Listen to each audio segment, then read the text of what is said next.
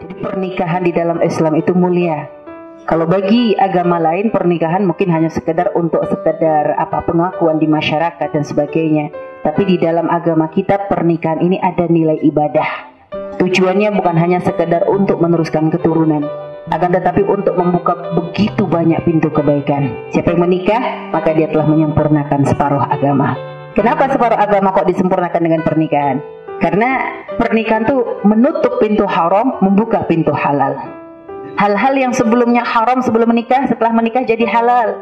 Seorang laki-laki dan perempuan duduk berdua. Kalau belum menikah haram, ketiganya setan. Tapi ketika suami istri duduk berdua, subhanallah, Bahkan jika terjadi kemesraan pun ternyata nilainya ibadah. Sehingga sahabat Rasulullah SAW pernah menceritakan ketika para sahabat itu mengadukan masalah bagi mencarikan masalah kebaikan. Rasulullah termasuk menyebutkan termasuk pahala sodako itu adalah di saat seorang suami menggauli istrinya ternyata dinilai sebagai satu sodako. Sahabat nanya, ya Rasulullah, apakah ketika seorang itu melampiaskan sahwatnya ada pahalanya?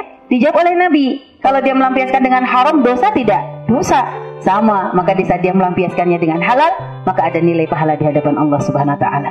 Sehingga lihat itu dari satu contoh, belum contoh yang lain. Orang tuh kalau sudah masuk pernikahan tuh hatinya umumnya kalau ahli iman dia akan bisa lebih menjaga hati. Dia akan lebih bisa menjaga mata, pikirannya sudah nggak error lagi. Dan juga jika bahagia dalam rumah tangga, subhanallah, ini akan mudah bagi kita mencari pahala. Seorang istri di saat hubungan indah dengan suami cari pahala gampang. Masak saja tuh Bu. Kalau hati lagi senang senyum-senyum ya enggak Bu? Ibu masak padahal ibu keringetan, capek, tapi kebayang suaminya, aduh ini masakan kesenangan suamiku, lihat. Padahal suaminya belum datang, suaminya belum makan, baru bayangin, ini nih gara-gara masakin kesenangan suami kita, bayangin waktu masak, bayangin senangnya suami itu udah senang duluan. Padahal kita capek, pernah nggak ngerasa gitu? Tapi coba, kalau rumah tangga tidak bahagia, pekerjaan ringan pun, jangankan masak, bukan masak, Nginget suami aja sebel semua. Ada orang tuh belum masakin, baru nginget aja. Setiap ingat suami, uh, greget lagi saya. Tapi kalau sudah keindahan, ingat suaminya senyum-senyum sendiri. Masakin suaminya sudah senyum. Ibadah, ibadah coba.